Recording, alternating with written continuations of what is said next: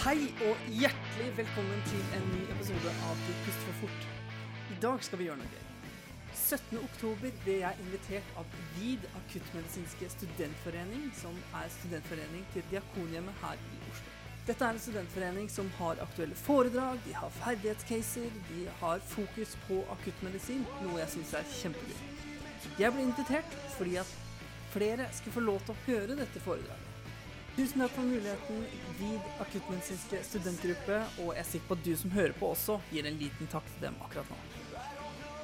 Gå gjerne inn på Facebook-siden deres, følg dem der, og nå kan du sette deg ned og nyte et foredrag. Det er Pål Lindenskov som har foredraget. Han er anestesilege, han er barnelege, han har lang erfaring med akuttmedisin og prehospital medisin. Men nå her er foredraget til Pål Lindenskov barn ikke fullt så skremmende. Min bakgrunn er at jeg jobber som barneanestesiolog på Rikshospitalet. Ehm, så har jeg også fiska i faget prehospital medisin i 20 år. Altså på ambulanse, litt på helikopter og fly og sånn. Ehm, så egentlig er jeg litt sånn halvstudert røver på en måte i det faget. På den annen side så er jeg ganske frimodig på egne vegne og andre sykehuskollegers vegne, for det er jo inni sykehuset veldig mye skjer. Det er jo der man trener de prosedyrene under kontrollerte forhold som er akuttmedisinsk relatert veldig ofte. Som kampen for de frie luftveier, intubasjon, kanilering i vener, arteriekanyler, du vet, resuscitering og sånne ting. Det er jo tross alt på sykehuset de sykeste menneskene fins. Uh, eh, men på den annen side så er det jo betydelige utfordringer med å jobbe prehospitalt. F.eks. en sånn sak som å intubere en pasient det er jo ofte et sånn stressmoment for anestesileger under gitte forhold. Hvis det er en hurtiginnledning på ikke-belastende pasient. Da gjør du jo det på sykehus under veldig kontrollerte forhold på en benk som du kan justere høyden på. Du kan gjøre sånn. Så får du utstyr du trenger, veldig flinke sykepleiere som hjelper deg. Og du har mange til pass på deg, også sykepleiere. Ute så er du kanskje helt aleine. Okay. Oh, ok, så litt om tittelen her. 'Barn ikke fullt så skremmende'. Den er ganske god, faktisk. Så det er ikke jeg som har funnet på den. Det er en som heter Per eh, på eh, ambulansehelikopter på Lørenskog. Eh, en ordentlig entusiast som eh, har utfordra meg til å holde dette foredraget før til erfarne anestesileger som jobber prehospitalt. Altså de ordentlige tøffingene i rød uniform. Syns de iallfall selv, og de er det jo ofte også. Men selv de blir stresset av hvis du får melding om et barn som er ganske dårlig. Så Derfor så fant Per på Bredmoseter forresten dette navn, på denne tittelen som jeg syns er veldig god. eh, som altså er 'Barn ikke fullt så skremmende'. Og jeg håper at det blir også det dere sitter igjen med etterpå. At det er to ting som dere vil skal huske. Det er det at dere skal alltid i akuttmedisinske situasjoner tenke enkelt. Det andre er at barn er ikke pyser. Det vil hjelpe dere i mange sammenhenger hvis dere kommer borti dette med akutt syke barn. Så den situasjonen her er jo et stressmoment. ikke sant? Hvis du drar ut til en trafikkulykke hvor du har hørt at eh, en personbil har kjørt i et tre, og far som sitter foran er rapportert død, da vet du med en gang at dette er et betydelig høyenergitraume, som vi sier det. For det er så stor hastighet og så stor energi og deselerasjon. Det er ikke farten som dreper, det er nedbremsingen. ikke sant? Tiden. Bang, du stopper, og så fortsetter kroppen din rett fram. Da vet du at det er betydelig risiko for dette barnet, eh, eller alle andre som måtte være i halvlivet eller i live i den bilen, spesielt bevisstløse, for også store skader. For de er utsatt for samme energien. Det er også litt spesielt med at det skal vi komme tilbake til, men en, en fireåring som er bevisstløs, det kan jo bety selvfølgelig at du har en skade på hodet, så du har en blødning i hodet som gjør at du er bevisstløs. Men det kan også bety at pasienten er i sjokk. Det er sånn at um, Hvis dere har sett på tegninger av et barn, ta så se på tegninger på hodestørrelsen og kroppen under veksten, så er hodet ganske stort i forhold til kroppen når du er liten. Så når du blir voksen og gammel sånn som meg, så er det liksom knapt noe igjen over kragen. her, ikke sant? Det er en sånn liten knott. Du ser mikrosefal ut i forhold til et barn. Og Derfor har barn dobbelt så stor cerebral bloodflow, altså blodtilstrømning til hjernen, dobbelt så stor per kilo som man er som en voksen. Og Hvis du da har en påvirkning av sirkulasjonen, f.eks. som følge av blødning, indre blødning i magen, så kan utmerket den ungen være bevisstløs uten å ha skade i hodet. Det er som en sånn lakmustest på grad av sirkulasjon hos barn. Det er litt annerledes enn hos voksne. Vi skal snakke gjennom 70 lysbilder, men ta det med ro, for dette det er mest bilder. ikke sant? Så vi skal ikke gjøre det for komplisert. Men det blir en del lysbilder. Og jeg kommer til å kombinere tingene med å snakke om at det ene er den akutte situasjonen, som dette med f.eks. en reell akuttmedisinske situasjon utenfor sykehus, som en ulykke. Og den andre er mer en indremedisinsk katastrofe, hvor du har et livstruet barn som f.eks. har en infeksjon. Det er liksom, Barn har jo på en måte infeksjoner, det skal jeg vise dere siden, men det er et av de store, store årsakene til alvorlig sykdom hos barn er fortsatt det med infeksjon. Så du kan få den situasjonen her, hvor du har et barn på seks måneder som har pustevansker, som rapporteres til deg når du er på vei ut i ambulansen eller løper inn på, du får han inn i akuttmottaket, og som er slapp, har vondt for å puste, gir dårlig kontakt og er gråhvit Begge disse situasjonene er stress. Det er stress. Det er ikke noen grunn til å legge skjul på det for alle. Selv veldig erfarne helikopterleger og anestesisykepleiere og ambulansepersonell. Men husk, tenk enkelt, og barnet er ikke pyser. Så hva skiller barn fra voksne? De har selvfølgelig andre sykdommer, som jeg allerede har nevnt. Det er mer infeksjonsproblematikk. Mens voksne ok, barn kan også få et hjerteinfarkt, teoretisk, om som heter Kawasaki-sykdom.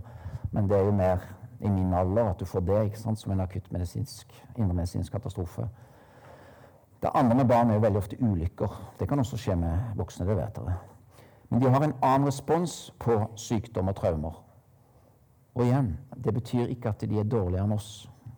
Barn er ikke pyser. De har betydelige ressurser for å holde ut etter en stor skade. Men det er nettopp det som kan lure dere, som vi skal komme tilbake til. De har en annen anatomi og fysiologi. altså De er i vekst. Jeg skal vise dere, Det er kolossalt altså, hva som skjer i en barnekropp. De er mer sårbare når det gjelder traumatologien for stumpe traumer. Det er rett og slett fordi at du har en mindre kroppsareal. ikke sant?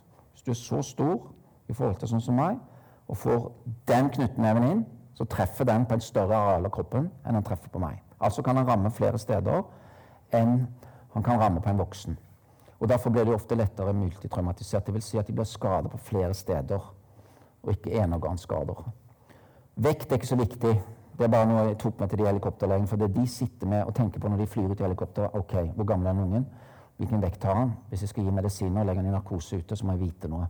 Men det er en veldig enkel regel. Det er masse rare formler som jeg aldri ville klart å huske. Jeg pleier å si det at jeg lærer seint, men jeg glemmer desto fortere. så det er alltid en trøst. Men jeg har enkle regler. Og her ser det år 1, 2, 3, 4, 5, 6 opp til skolealder. Så kan du bare si at en unge er 10 kilo, og så legger du til det 2 kilo for hvert år. 10, 12, 14, 16, 18. Veldig enkelt. Når du er i skolealder oppover, så ganger du bare alder med 3. Det vil si at hvis du er 8 år gammel, så 8 ganger 3 er 24. Det er greit for alle å ha begreper om vekt, for dere kan få inn et dårlig barn på sykehuset. Og så vet dere alder, og så blir det det er, altså Innenfor pediatrien så er det én ting som gjelder. Det er å vite hva et barn veier, og hva det veier dagen derpå, og i nyfødtmedisin. Men jeg må si det som det er, det er ikke alltid så lett få sykepleieren til å gjøre det. Du må piske dem litt, altså. Noen ganger jeg skjønner at det er vanskelig, men uh, ellers så er det en god, god regel at du alltid veier en unge det er en veldig stor medisinsk behandling. Her er en litt morsom artikkel, nei, greie som jeg har lekt med noen tall for å si noe om at barn ikke er pyser. For hadde barn fortsatt å vokse sånn som de gjør når de er i mors liv og når de blir født prematurt, da vokser du 16 gram per kilo kroppsvekt i døgnet. Så ville du når du var ett år gammel, ha en vekt på 34 kilo. Det er ikke normalt. Det vanlige er 10. Sant? Og du ville være én meter høy. Det er for så vidt ikke så langt unna. Du er faktisk halvparten av høyden din som voksen allerede som toåring. Så det er en vanvittig vekst som skjer. Hvis du går mer til høyre på den skalaen der, så ser dere ikke sant? Er, når du er ti år, så vil du veie 18 000 tonn, og du vil være fem meter lang. Og disse tallene er jo det er klart det er noe lureri her, for du får ikke 18 000 tonn inn i en kropp på fem meter. Men det er bare for å ta de enkelte ting. Hvis du hadde fortsatt å vokse med hodet i lengden og med vekten, så hadde du endt opp sånn. Og tallene er viktige. Jeg har fått min uh, svoger. Han, han, er sånn matematikknerd, jeg får lov å si det uten å være slem. Um, med sånne rekker. Og hvis du da er 15 år gammel, så ville du altså veid 1 milliard tonn hvis du fortsatte. Du ville være 6,5 meter i omkrets på hodet ditt, og du ville være 7,5 meter lang. Så poenget mitt med det der er bare at det skjer enormt mye i en kropp. Og hva har det med en ulykke og en, en, en, sykdom å gjøre? Jo, hva skjer når du blir syk? Energiomsetningen i kroppen trues, hva tror dere vi trenger oksygenet til? Det er jo selvfølgelig energiomsetning ikke sant, for å holde fyr på peisen.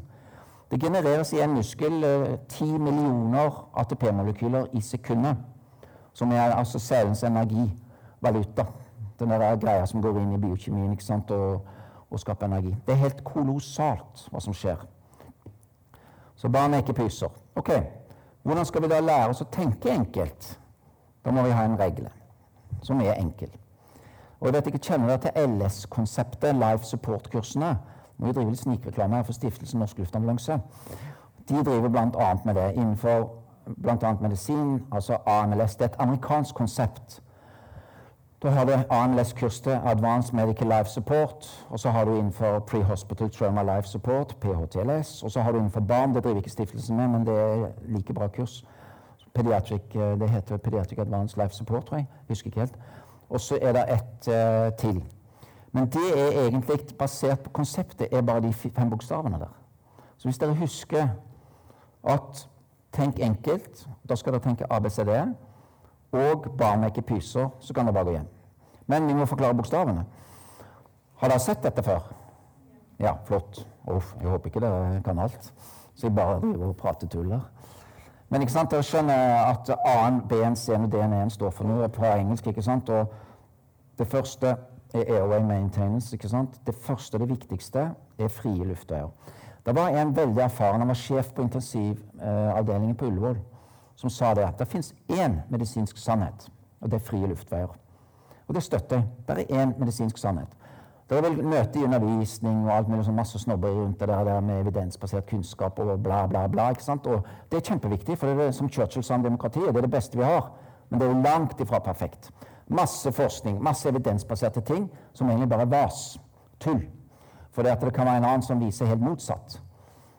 Og, og, men han sa det alltid, og det likte jeg så godt. Det er én ting som gjelder. Det er derfor jeg spissformulerer meg, for at jeg skal huske det. Frie. Ferdig.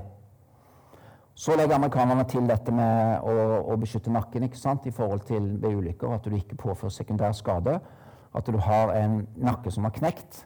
Jeg husker På Ullevål en gang så lå det en, en stakkar som var um, Han var beruset, hadde falt ned en trapp. Og så Vel, så fikk de han greit gjennom det. Han kom fra Elverum sykehus, for det var jo mistanke om traume. ikke sant? Men det hadde de kontroll på. Så etter hvert så oppdaga jeg at han, han beveger ikke armene, han beveger ikke beina. Og så kom nevrologen og begynte med masse flotte, sofistikerte diagnoser. Og all ære til nevrologer. Men greia var jo bare at stakkaren hadde brekt nakken.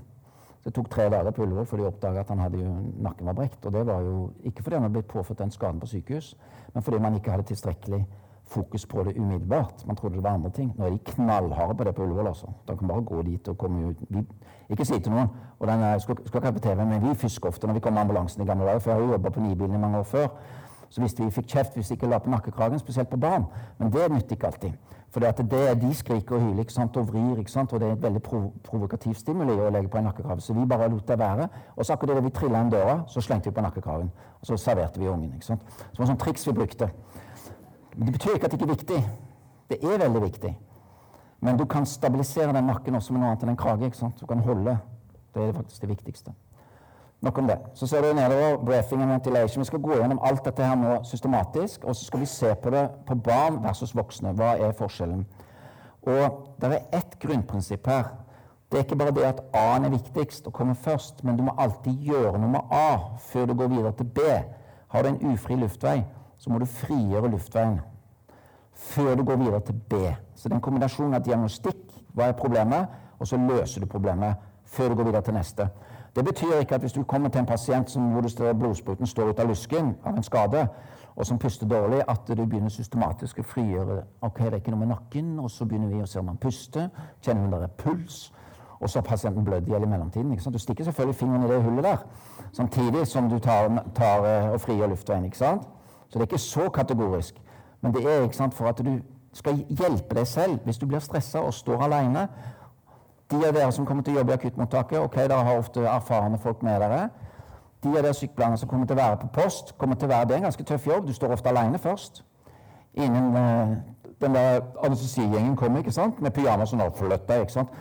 Så det er en ganske tøff jobb egentlig til dere når dere kommer på post og står alene. Um, på Rikshospitalet så kaller forresten barna bare for, um, for um, Ikke pyjamasfolket, men uh, hva de heter de der som alltid sover? De der barnefigurene som alltid sover. Ja, jeg kommer på det etter hvert. Men vi blir, blir fall gjort narr av. De syns vi er ganske vittige når vi kommer i de grønne pyjamasene som er skrukkete og stygge hele veien. Så vi blir fortsatt på plass av barna.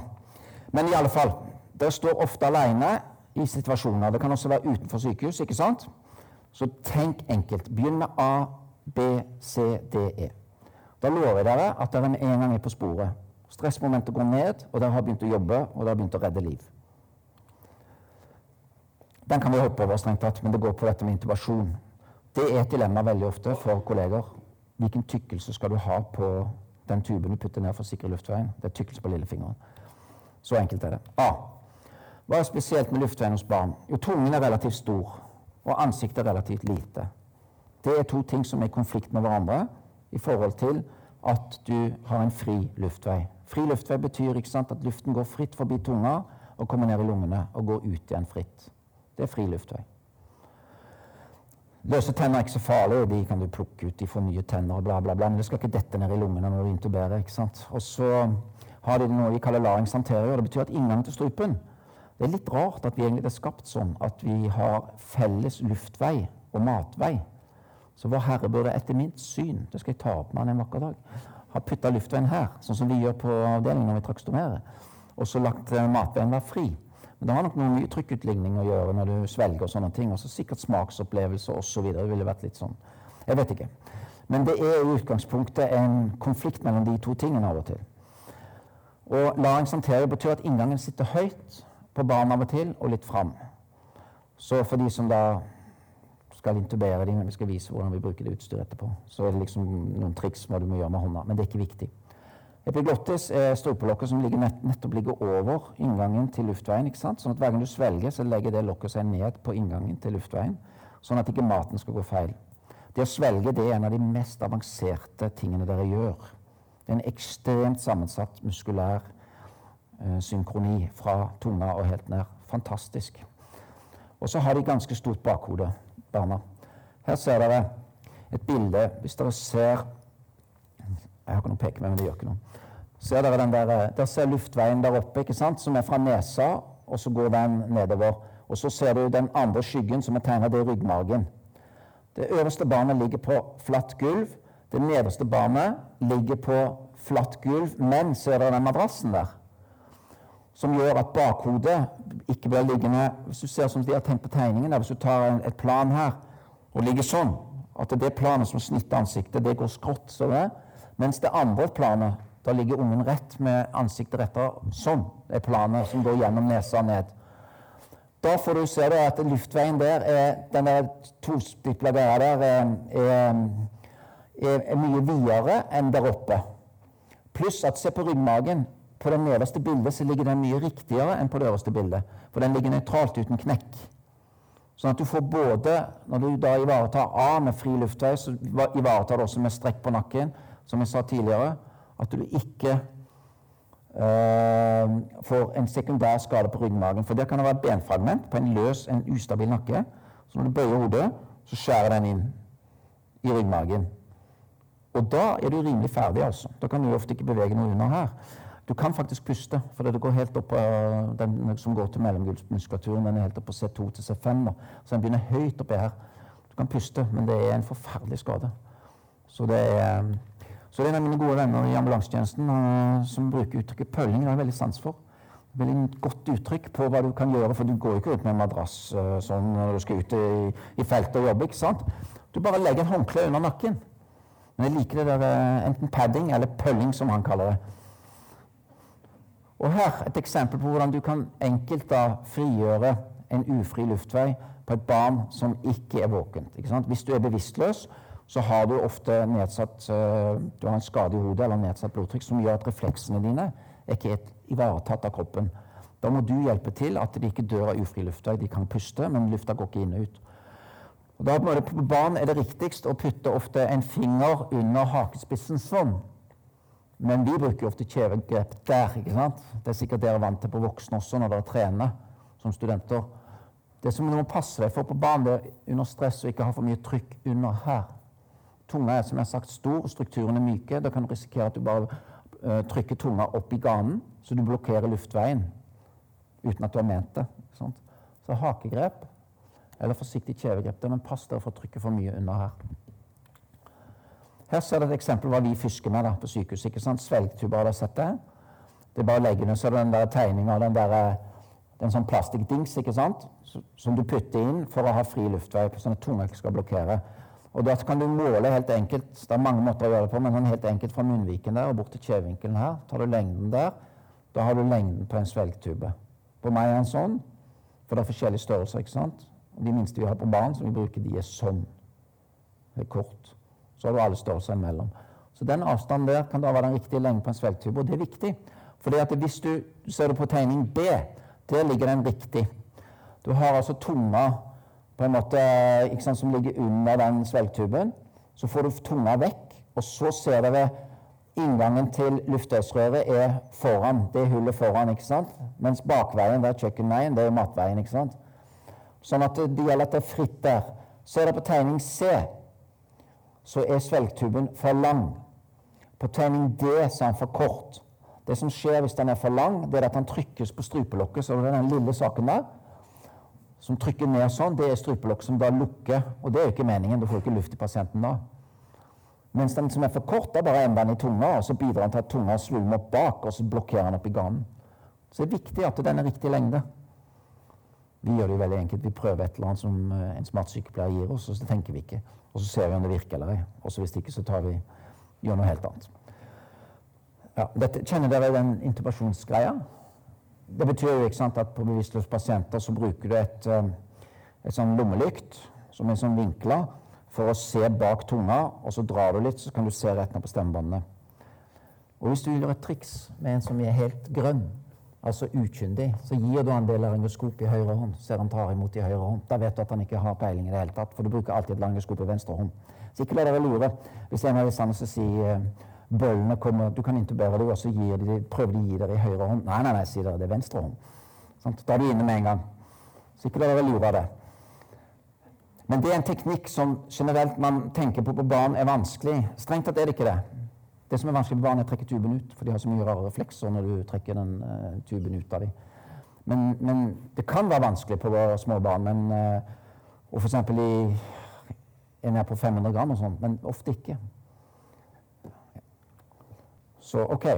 Fremmedlegeme det er ikke uvanlig hos barn. altså. De er i den der orale fasen som Freud snakker om, hvor de putter alt mulig i munnen. Og så havner det i lungene. Eller enda verre i luftrøret. Og Da blokkerer du til luften til begge lunger. ikke sant? Det er bedre at du går ut i én lunge, så kan du puste med den andre, enn at du sitter her. Og Her er en tegning av uh, Heimlich manøver. Uh, Heimlich var en amerikansk thoraxkirurg aldri i livet om han har funnet på det der. Det der, det er en ambulansepersonell som har funnet på, så har han bare kopiert det og tatt æren for det. Men det er at du bare tar et grep rundt, ikke sant, så se på tegningen der, og klemmer til. Så er det diskutert om dette er riktig eller ei, om det kan skade indre organer osv. Men hva gjør du da? Må ikke bli for teoretisk. også. Her har det Supermann gjort det. Han tok kanskje litt hardt i, for da så han skvisa ut hele skjelettet på han stakkaren der. Så det er mer for å minne dere om at du kan få skader teoretisk, f.eks. på lever. Men hva er alternativet? Hvis du har et fremmedlegeme som sitter og blokkerer, da dør du, da. Det er bare å klemme til også. Og hvis du passer på å komme under kostalbuen ikke sant? Du må ikke klemme på selve brystet, du må klemme under på magen. For det du gjør da, er at du øker trykket inni bukhulen, og så smeller du til det trykket går opp i, medieres videre via mellomgulvet. Sånn at trykket kommer nedenfra og opp, på en måte, istedenfor at du klemmer bare thorax inn. Det hjelper ikke. Du må du til, altså. Og hvis du gjør det skikkelig, så Ikke sånn, da. Men eh, da kan det fremmedlegeme sprette ut. oss. Så det diskuterte ikke sant, hva gjør vi med de små. Altså, Hadde jeg vært borti en sånn situasjon, ja, det har vi gjort i ambulansen. Det er bare å holde i beina og så kline til på ryggen. Og bruke kraft. Hold de ned, ikke sant? for da vil ikke det fremmedlegemet gå ned igjen. Hodet ned. Men så er det diskutert, da. Der er sikkert mye mer belest enn meg på moderne algoritmer og sånn. Så det har kommet ned dette her med at ok, hvis det virkelig er håpløst på et barn, og du ikke får et fremmedlegeme, så er det jo vanlig hjerte-lungeredning man gjør. For at hjertekompresjonen i seg selv mener de skal flytte det. Selv om det er litt paradoksalt i forhold til det jeg sa først, nemlig med å klemme nede. Men poenget er at her er det små barn. En liten ting som jeg minner deg om. Det gjelder både barn og voksne. Men det er det at uh, Ja, det er det popia ikke sant, som står for post obstructive pulmonary edema. Uh, og det er en tilstand som du kan få etter at du har evakuert et fremmedlegeme. Og så litt selvskryt her. Selvfølgelig skrev jeg en artikkel om det en gang vi ikke skjønte et pip av, en unge som hadde pustevansker på operasjonsstua. Og så kom da selve guruen i barneanestesi, og så sa han det der, det, det er popet der, sa han. Så skjønte vi en gang. Vi skjønte ingenting. Og det er at du kan få et lungedem som kommer etter at du, du uh, har evakuert det fremmedlegemet. Så da skrev jeg en artikkel om det i tidsskriftet, og det var egentlig ganske vittig. fordi at uh, jeg leter etter mekanismen for dette. her. Det er masse teorier om at du har negativt trykk. ikke sant? Lukket, Fremmedlegeme lukker, og de som er godt trent, de får liksom da ekstremt negativt trykk intertokalt, og det gjør at du trekker væske inn i alvolene, så får du lungedem. Og så, ja, ja, så drev jeg og søkte, da, så plutselig så kom jeg over en gammel artikkel i British Journal of Anesthesi fra 1970. Da var det altså eh, Nils Smith Eriksen på Ahus som hadde skrevet i et, dette veldig anerkjente tidsskriftet med forsøk på kaniner hvor de hadde gjort dette her og sett hvordan du får negativt trykk kan bidra til lungedem. Så jeg ringte han og spurte kan jeg få den artikkelen av deg. Jeg holdt han på å lese, for han hadde, ingen hadde spurt etter den artikkelen på 25 år. Så da fikk jeg den på gult papir. Før er det sånn, ikke sant? Nå er det jo moderne tider, men i gamle dager så fikk du særtrykk. Du laget en artikkel i Det fantes jo nesten ikke kopimaskiner i min oppvekst, det skal dere huske på. Så du fikk et særtrykk, og så var det signert derfra professor Smith-Eriksen. Det var egentlig ganske tøft. Så husk det, at du kan få et lungedem etter at du har evakuert et fremmedlegeme på unge personer, men jeg har også sett det på gamle. Jeg husker ambulansetjenesten en gang, en som ringte meg. Kjørte full fart til et sykehjem, en meget erfaren fyr. Så ringte de og sa at eh, den gamle folk vil jo ofte ikke sant, svelge vrangt og kan aspirere. Så hadde de ringt til ambulansen og sa nå er det bedre. Og Sverre, som han heter, han kjørte fram, han. Datt det ut nå? Han kjørte fram, for han var ikke helt sikker han ville se pasienten selv. Så i den tiden som var fra at han fikk melding om at det fremmedlegemet var evakuert, til han kom fram, så kom lungedemmet boblende idet han kom inn døra. Så eh, det var veldig bra. Ok, Hvis du tar laryngoskopet fra en anestesilege, så er det som å ta sukkertøy fra en unge. Sånn at eh, Anestesileger, for å være litt ufin, tror jo på en måte, vi tror at det er bare én saliggjørende ting i denne verden, og det er intubere. Det er ikke så enkelt. Intubasjon har lekt litt med ordene på den tegningen. Det er ikke min tegning. Men intubasjon kan være farlig. Og vi skal ikke dra det for langt. Men poenget er at idet du konverterer fra overtrykksventilasjon til normal pusting, så kan det f.eks. hvis du har det trangt i luftveien og en unge for da klarer akkurat å puste forbi Jeg hørte en gang om en som svelget et kronestykke. Som pusta gjennom det hullet. Har dere sett kronestykker? Ja, det har det. Nettopp det lille hullet i midten klarte ungene å puste gjennom. sier du, sant? Og så, Hvis du da intuberer, og så puster ikke pasienten selv lenger, så kan det være sånn at da får du i hvert fall ikke luft i. Kronestykket er ikke et veldig godt eksempel på det, for det er så stivt. Men hvis det hadde vært et, et fremmedlegeme som var sånn at det, det var mer mykt, så slipper akkurat luft forbi hver gang du puster inn, så kan det være livsfarlig å intubere en sånn unge. Men det skal dere slippe å bekymre dere for. Så det vi gjør med sånne barn, er jo egentlig å holde i selvpustene, og så bedøver vi dem med gass, og så går man ned med et sånt skop ved hjelp av våre flinke ørnes- og halsleger og plukker opp det fremmedlegemet mens de puster sjøl. Ok. B. Jeg skal ikke bruke like lang tid på alle bokstavene, så tar det helt med ro. Vi skal komme gjennom. Men friske barn puster normalt fort. Det er mange årsaker til det. Vi trenger ikke gå inn på detaljene her. Men de har i utgangspunktet en mindre diameter på luftveien. ikke sant? De er jo mindre. Selv om den diameteren er perfekt for deres størrelse, så er det sånn at hvis det er helt fysisk Hvis du har en, en omkrets som er så stor, og så halverer du omkretsen ned dit, da øker luftveismotstanden med ikke to ganger, men med 16 ganger. Det er det ene som gjør at det er et problem. Og Barn som har infeksjoner, de får ofte mye lettere hevelse i luftveiene sine enn voksne. Ikke bare at de i utgangspunktet har en mindre diameter, men de får mer døm. Og når du kommer til et kritisk punkt på det hullet der, så slutter det å gå luften å gå sånn laminært. Da blir det turbulent flow, da står den stille. Dere får alle Ikke heng dere opp i detaljene her, for det er mye med hvorfor. Men friske barn puster normalt fort. Men hva er fort? Her ser dere vi må bruke tabeller.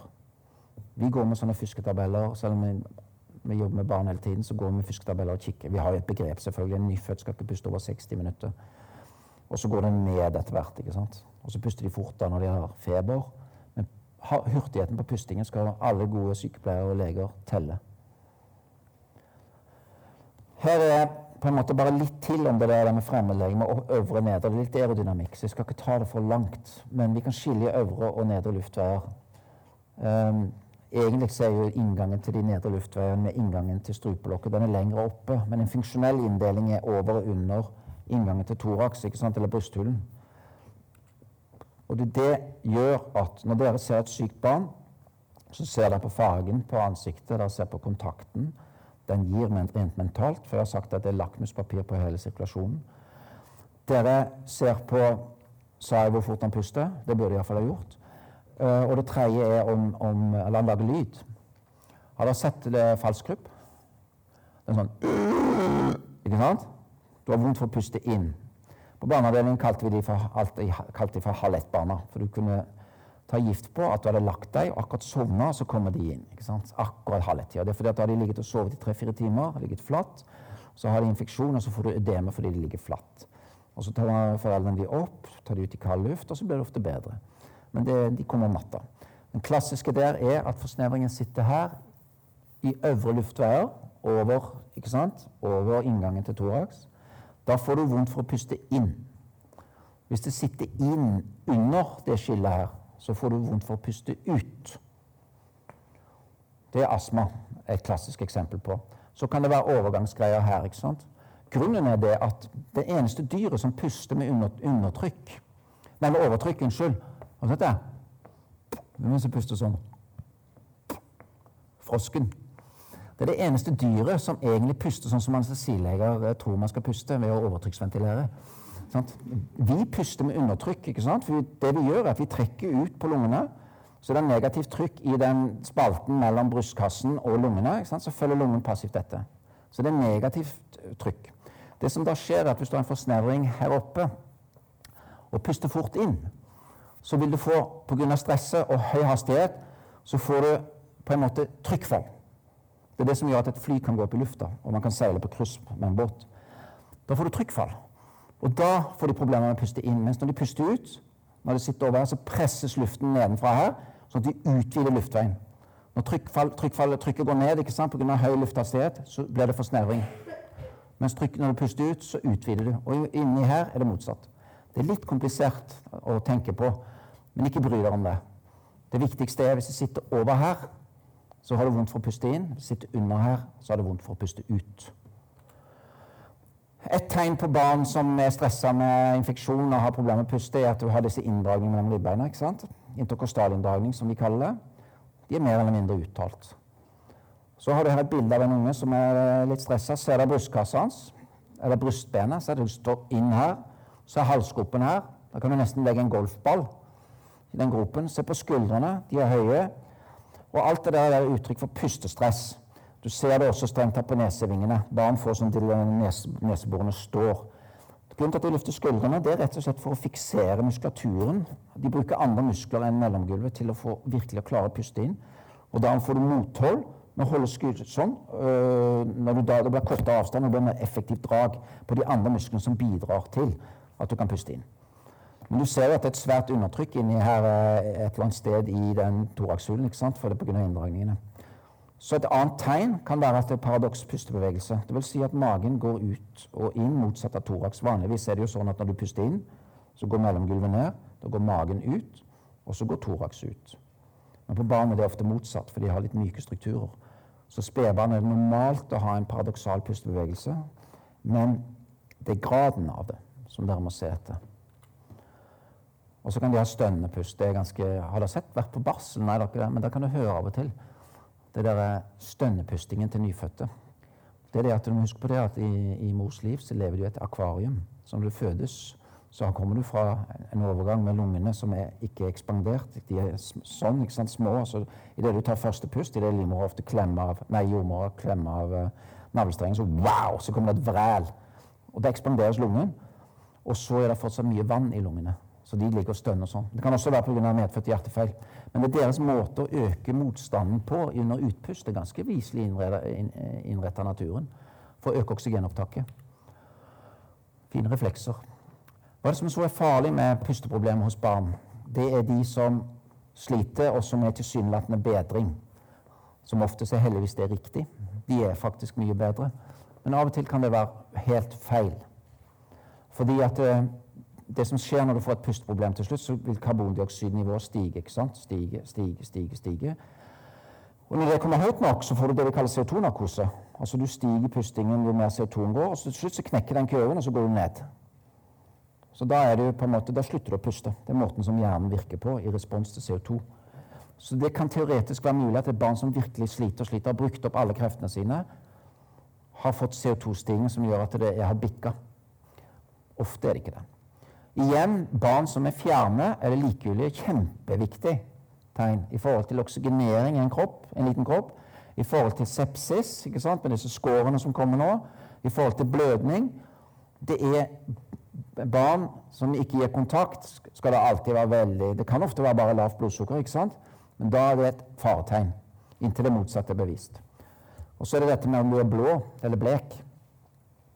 Det er jo cyanose pga. at oksygeninnholdet er lavt i kroppen. Det kan være primært pga. lungeproblemer, men det kan også være sirkulasjon. Vi ser på de hjerteopererte barna at de veldig ofte blir såkalt sentralisert i sirkulasjonen. som vi sier. De kan være helt hvite og iskalde ute i kroppen nå. Og så sirkulerer blodet her sentralt et, etter operasjonen, og sånn, og så blir de bedre. Så det er det med redusert pustelyd over lungene og hurtigpust, ikke sant, og så videre, så videre. Ja. Her har jeg bare lyst til å vise helt fort. Jeg skal ikke dra dere med mye detaljer. Men dette er litt sånn Hvor mange døde borti USA? Dette er jo gamle tall. Eh, av ørnes- og halsproblematikk i tolv år fra 1990 til 2002. Det er ca. 14 barn. Så det er ja, 14 pluss 6, 20, kanskje 4-25. Så er det svarte bortover der. De svarte er, er død som følge av infeksjon. Så er det at den svarte søylen er høy hos de små barna, altså under et år. For her er ett til fire, og så er det store barn. Sant? Så infeksjon er et betydelig problem med ørenes- og halsdødsfall hos små barn. Det betyr ikke at det er mange av dem, men det betyr at blant de som dør, så er det veldig ofte infeksjoner. Så ser du den, andre, den der som er speilet, sånn, er det medfødte misdannelser. Det gir seg selv at de dør ofte i løpet av første leveår, og så er det de andre. Så infeksjoner er veldig, veldig viktig som truende hos barn. Det betyr ikke at det er livsfarlig alltid. Her har vi et bilde av en peritonsulær absess. Den kan være livsfarlig. Ser du den hvite der? Det er tunga, ikke sant? Pilen står innpå drøvelen.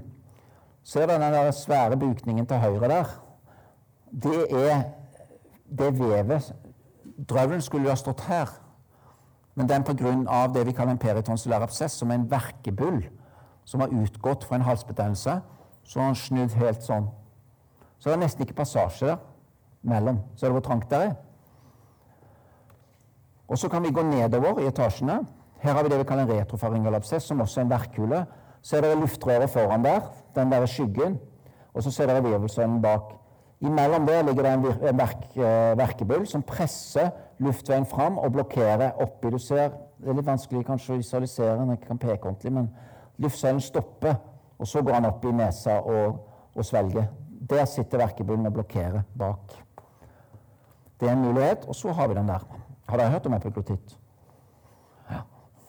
ja, du har jo selvfølgelig. Uh, men i, før så var det vår skrekk. Jeg har sett ti stykker når jeg jobba på 90-tallet, på begynnelsen av 90-tallet som bar barnelege Og to av de var helt typiske. Alle de andre var atypiske.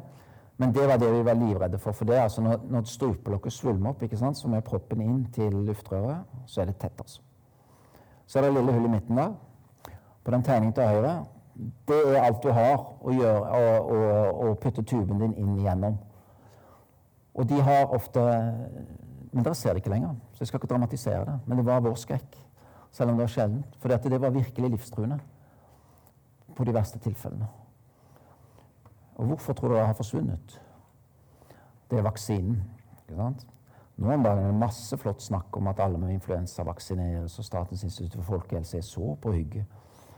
Så, men den gangen så tok det to til tre år i Norge for å få inn, innført hiv-vaksinen.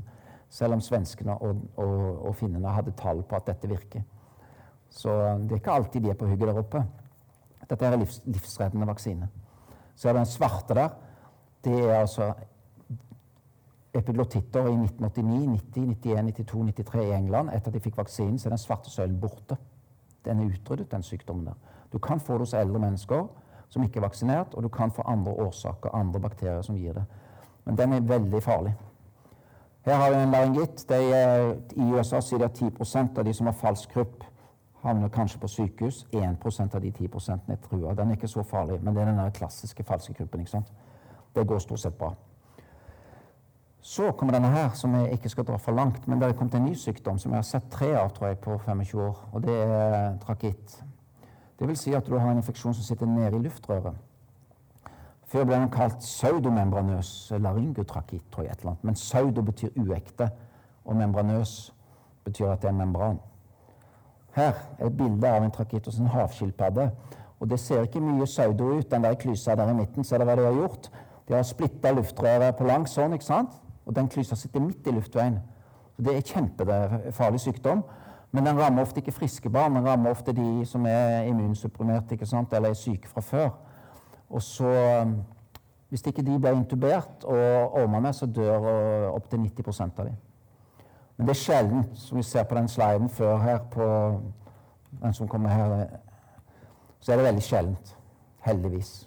Men sant, på Rikshospitalet så ser du bare sjeldne ting. sånn at vår hverdag, Du kan ikke jobbe med normale pasienter etter å ha vært på Rikshospitalet, for da tror du, du hver gang du hører hovtramp, så tror du det er en sebra, ikke en hest. ikke sant? Så det er vårt problem. Men her igjen tilbake til den der eh, hvor du ser den svarte søylen. ikke sant? Av de barna som døde her, som vel var en 26 stykker, 25 av de, eller 24 av de hadde trakitt. Så av de få barna som får livstruende sykdommer, så er trakitt en av de store dødene nå. Kan behandles med antibiotika, selvfølgelig, men du kan ikke vaksinere. Så litt tilbake til thoraxskader, eh, eller traumatologi. Det er Har du hos et barn skade i thorax av f.eks. lunger, hjerte eller noe sånt, så er det en svær energi.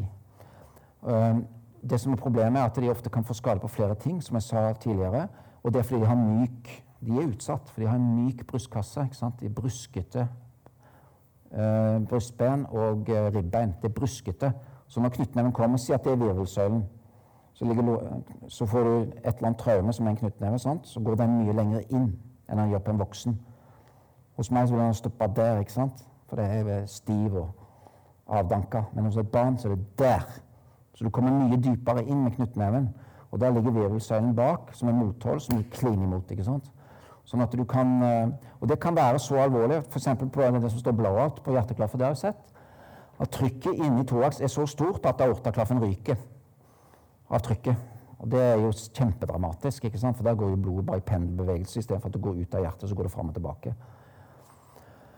Og du kan også få arytmier på ikke sant? Hjernerystelse er jo comotio på latin. Ikke sant? Men du kan få hjernerystelse av, skader. Comotio cordis. Hjertearytmier. Og du kan få skade på lungene, og du kan få skade på de store karene. Det er mye inni der ikke sant? som virkelig kan være ekkelt. Det som man er vant til prehospitalt ofte tenker på, er det pneumotorax. Det vil si at du har, akkurat som en sykkelslange har punktert, så kan lungen punktere. Ser dere til eh, venstre der så er det brukne ribbein. ikke sant? Da kommer det luft inn i det rommet hvor du normalt sett skal ha negativt trykk for å kunne puste. Da kommer luftlekkasje inn der. Så sånn at Hver gang du da puster inn, så trekker du enda mer luft inn. Og så prøver du å puste ut, som er anskueliggjort på den tegningen til høyre der. Men den pila som går sånn. Se bort fra den pila som peker ned. Den er feil. Skulle vært opp. Der puster du ut, så får du en sånn trapping-effekt. Hver gang du puster inn, så blir det mer luft inn gjennom det hullet, og så får du ikke ut. Og så blir det nesten som tante til Harry Potter. ikke sant? Til slutt så blir hun så svær at det liksom går ut av vinduet. Så det der er livsfarlig når du har overtrykkspneumotoraks-situasjon. Så da må man inn med en nål og stikke inn for å avlaste det overtrykket. Jeg husker godt som student så så det en gang på Haukeland. Kom inn, og vet, det vil dere også komme til å oppleve. Du kan komprimere. Ikke sant? De plukker ut en som ser eh, ung ut og litt fit, og bare gjør som man får beskjed om. Og vi komprimerte ikke sant, på en stakkars mann som hadde svær astma. Og han hadde, hadde ikke pga. skade, men han fikk en pneumotoraks, sånn at han virkelig este ut. Og da er det sånn at luften kan komme fra underhuden, helt fra øynene og ned i kroppen, helt ned i, i skrotum. Bare blåste opp. Sant? Og det ble kjempetungt å komprimere. Så kom lommelegen, husker jeg, og satte inn, pff, satte inn en så tjukk det er ikke tilfeldig den tjukkeste fingeren. Satte den inn mellom ribbeina, og så bare så Som et bildekk. Jeg tenkte jøye meg, er det sånn? Jeg tenkte, Så jeg måtte gå en tur rundt sykehuset, for jeg gikk og la meg. Det gjorde inntrykk. Ok, Det som kan skje når du har mange Det er det mange som ikke er obs på, men altså, jeg skal ikke dra det for langt. Men altså, fleilchest betyr at du mister integriteten på en måte på thorax. Stivheten, for du har mange ribbeinsbrudd, så er den svarte pila der. Så hver gang du har pustet inn, så er det ikke stivt her lenger. Da bare gir det etter. Det kalles fleilchest, og det kan bli et kjempeproblem. Ikke bare fordi at du har en lunge som fungerer veldig dårlig, men da begynner luften plutselig, så er det pila der. Den pendler fra side til side. Så går, når du puster inn, så går lufta over i den friske lungen. Ok, Så puster du ut. Hva skjer da? Jo, da går lufta over den syke lungen. Hva skjer med luft som går fram og tilbake på den måten? der? Det blir til slutt en CO2-opphopning. For den får ikke tid nok til å oksygeneres. Så det, de, det, er ikke bare det at de mangler oksygen, men de får høy CO2. Her ser du masse dramatiske ting med hva som kan skje med En ting er lungepunktering, en annen ting er, er flail chest. Så kan du få uh, avrivning av, uh, av uh, luftrøret. Eller av. Så blør det ut, ikke sant? Og så videre, så videre. Ja, jeg lover at nå skal det gå fortere. Hvordan sa han professoren jeg hadde i hud? Han kom alltid for seint til forelesningen. Så sa han i dag Og vi hata i hud. Det var kjempevanskelig. Så sa, det, så sa, han alltid det. I dag begynte vi så seint, så da slutter vi desto tidligere. Og alle klappet. Men vi kom jo litt seint i gang, da, så jeg trenger å dra et par bokstaver til. Men den, de siste CD-ene skal jeg ta fortere nå. Så nå er jeg på sirkulasjon. Den hopper vi over. Barn får lett indre bukskader. Igjen det jeg har sagt. Liten kroppsflakte øker skadetrykket. Lite fett gir liten polstring. Svakt utviklet bukmuskulatur osv. Kort avstand mellom bukveggen og indre organer. Igjen den der knyttneven som går, treffer et eller annet sted, som et bilde på energitraume, og så har du ryggraden, virvelsøylen bak, som står imot, og så får du skvisen imellom der. ikke sant? Så er det hva Hvordan sjekker du at et barn puster? Det har vi ikke sagt, egentlig. Men et triks kan være at de av dere som bruker briller, så legger dere brillene foran. Det er ikke så lett å se om en bevisstløs person puster. også. På TV ser det veldig enkelt ut. Så legger, Vi legger ofte øret ned, og så har vi noen triks med noen sånne, vi har masker så har vi noen sånne systemer med noen bager, og sånn, så kan vi se om de puster. eller sånt. Men det er ikke så lett. Legg kinnet ned, eller underarmen over nesa. Det kan du gjøre på alle voksne, selvfølgelig. Eller brillene dine foran neseboret. Da dugger de. Da puster pasienten. Du trenger nemlig ikke å ha fri luftvei og, og puste fritt fordi magen beveger seg og thorax beveger seg. ikke sant? Det har vi snakket om. Men så hva med puls? På de små spedbarna inntil ett år de er ganske polstra, de er ganske tjukke.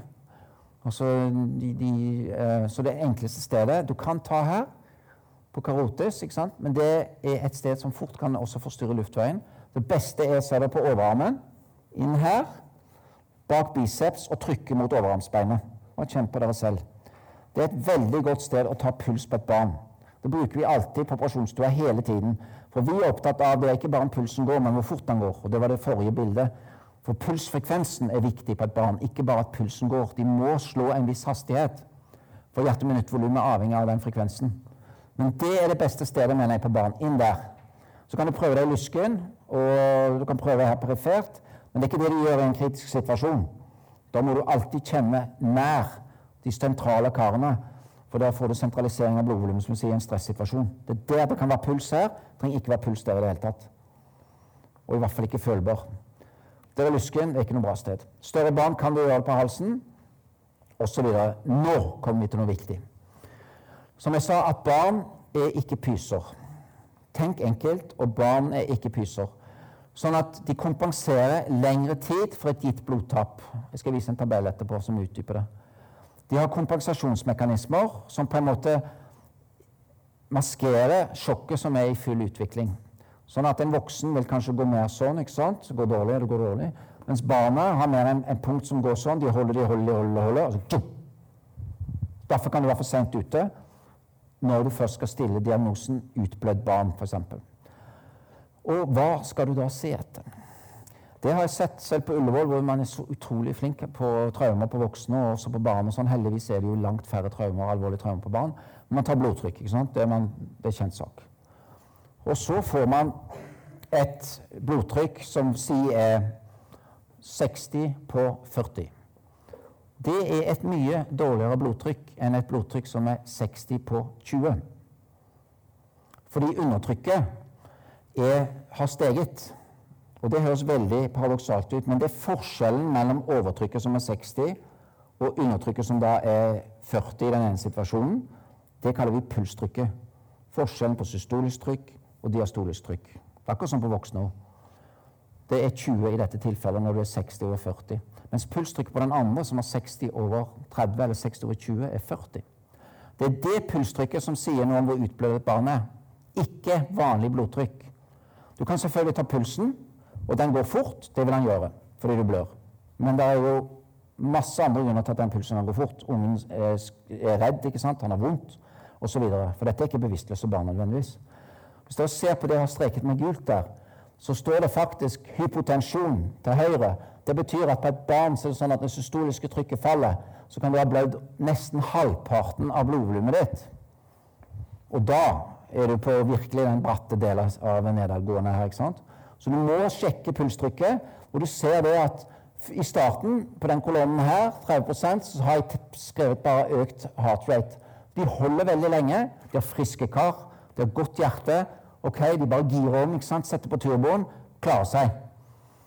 Så har du her har du et 30-45% narrowed pulse pressure. Først når du kommer opp dit, 30% teoretisk, så har du et fall i pulstrykket. Og Det er det diastoliske trykket som stiger, pussig nok. Det er nok utløst av stressresponser i kroppen. Så, så, blodtrykket går sånn normalt. Du blør, undertrykket stiger. Ok, du blør mer. Jokk. Sånn er det. Kunsten er selvfølgelig å ha riktig blodtrykksmansjett osv. på et barn. Det skal være omtrent to tredjedeler som voksne av, av armens høyde osv. Men husk det med pulstrykk. Det er, kan bruke samme tabell på voksne, men da er det, da er det annerledes. Det systoliske trykket hos dere som er unge, og hos meg som er gammel, er annerledes enn hos barn hvis du blør. Det faller mye tidligere. Så ikke la være lure. Ja, her ser dere bare hva jeg har skrevet. Ikke, ikke les hele sliden. Pulstrykket minker ved truende sjokk. Når det går under 20 mm HG i forskjell, da skal det være obs. Hvis det er riktig målt. En annen trøst er det jeg sa innledningsvis, at hvis er unge påvirker i sin våkenhet, så må du også begynne å tenke at hallo, hva skjer? Hvordan skal vi så kanilere? Det er noe, ikke sant? På Ullevål, på nyfødtavdelingen der, så er det sykepleieren selv som når de tar blodprøver nå Istedenfor å stikke de nyfødte i hælen, så tar de og stikker i tinningene. Så tar de blodprøver. Og det er et utmerket sted å stikke på en venflon. I nyfødtmiljøet er det et veldig mye brukt miljø. Du må bare passe på én ting. Det kan være en arterie du stikker i. Du vil ikke sette sprute blod ut av den kanylen. Da må du bare flushe med saltvann, og så vil du med en gang se om det er en arteriell arterie du har truffet, eller en vene. For det ble, hvis det er en arterie, så blir det helt hvitt. Det er fordi at på en arterie så vil jo blodet gå den veien. Så setter du inn saltvann den veien, og okay, da flusher du blodet tilbake.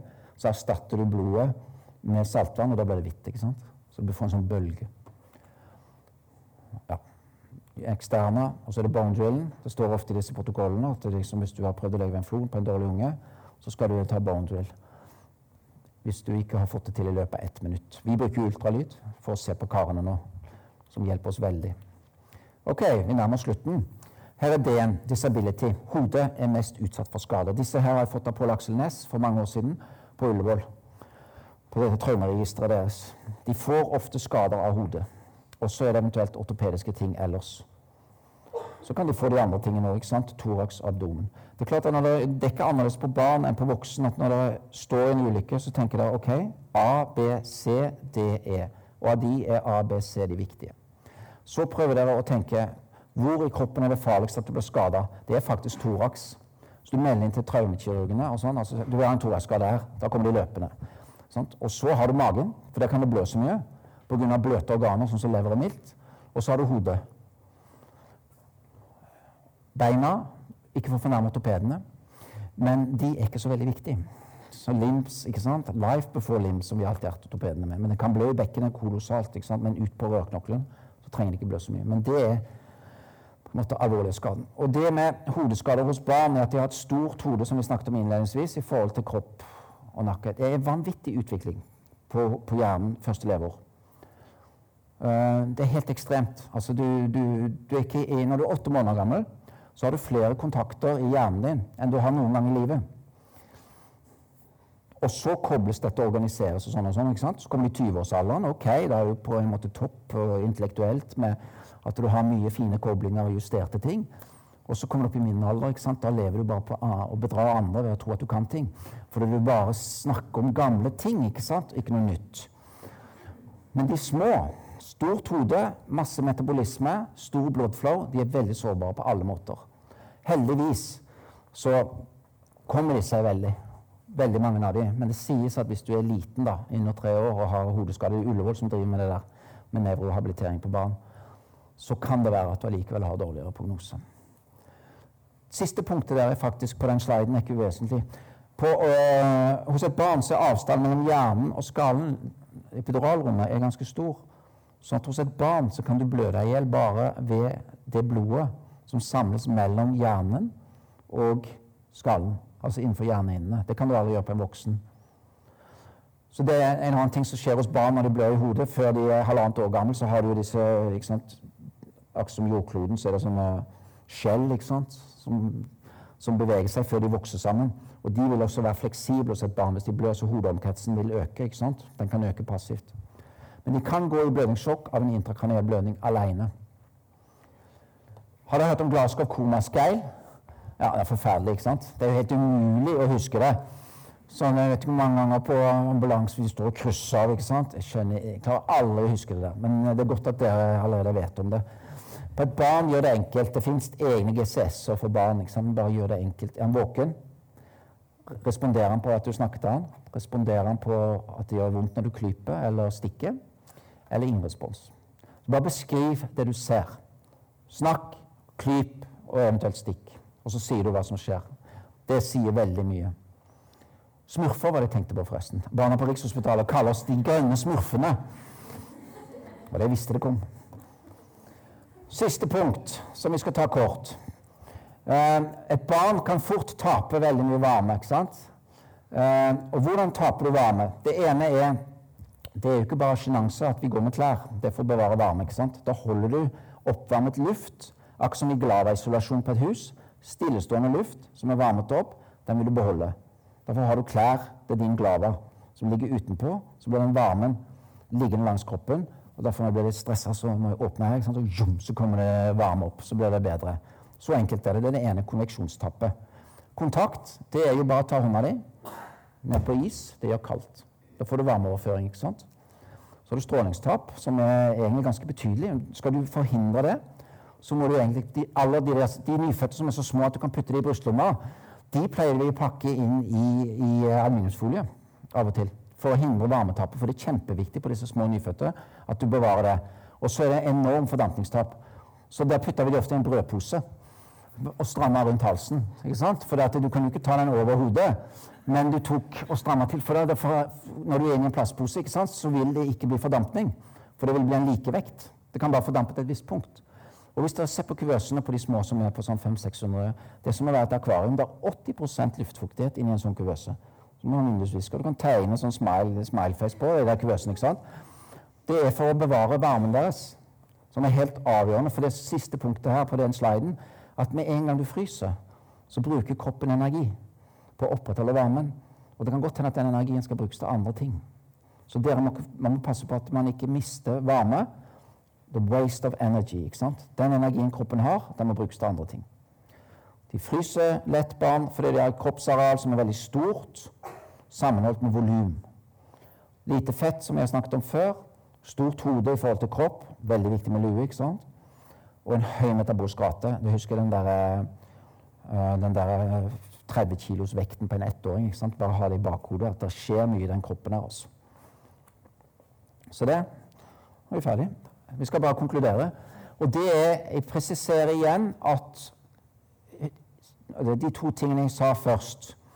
Og det var det at tenk enkelt om det er et barn, en voksen, i en akuttmedisinsk situasjon, enten pga. en indremedisinsk akuttsykdom eller en skade. Tenk enkelt. Jeg trøster meg med det som en enkel gutt fra landet. Geniene de tenker enkelt. Jeg trenger ikke å gjøre noe annet. Tenk enkelt. Det andre er det at barn er ikke pyser. De tåler mye mer enn du tror. Ikke vær redd hvis du kommer bort i en situasjon med et, med et uh, veldig sykt barn. Ikke la deg paralysere til ikke å gjøre de riktige tingene. Bare gå rett i ABCD-modus. A, sier du. Bare slå det i hodet. Er det fri luftvei, er det ikke fri luftvei? Gjør noe med det. Hvis det ikke er fri luftvei. Da har du kanskje redda et liv. Vi har jo sett på gata ikke sant? For, det kan være for folk som er berusa og overdoser og sånn. De kan jo dø de, bare av å ligge bøyd sånn. Og så står det en ring, med folk Folk vil jo aner jo ikke av og til. ikke sant?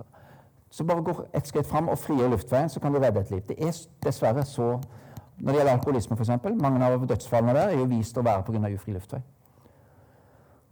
Så du kan redde liv med å gjøre enkle ting. Så tenk A, B, C, D, E hele tiden. Barn har litt annet sykdomspanorama enn voksne. Ikke ta det for tungt. Bare gjør de vanlige tingene. Men som sier, barn har betydelige fysiologiske reserver før de kollapser. Så på den ene siden barnet ikke pyser. De holder, de tåler mye, men ikke la deg lure av det, for til slutt så kan det bare ikke sant, at Nei, men det er jo fint. Han puster jo og, og har puls sånn og sånn, og blodtrykk er jo greit. Og så plutselig opp sånn. Det var det. Så husk det med at ok, den grensen går et stykke, men så går han bratt. Og de er sårbare for høyenergitraumer på en måte pga. liten kropp og det med energifordelingen osv. Ja, takk for oppmerksomheten. Thank you.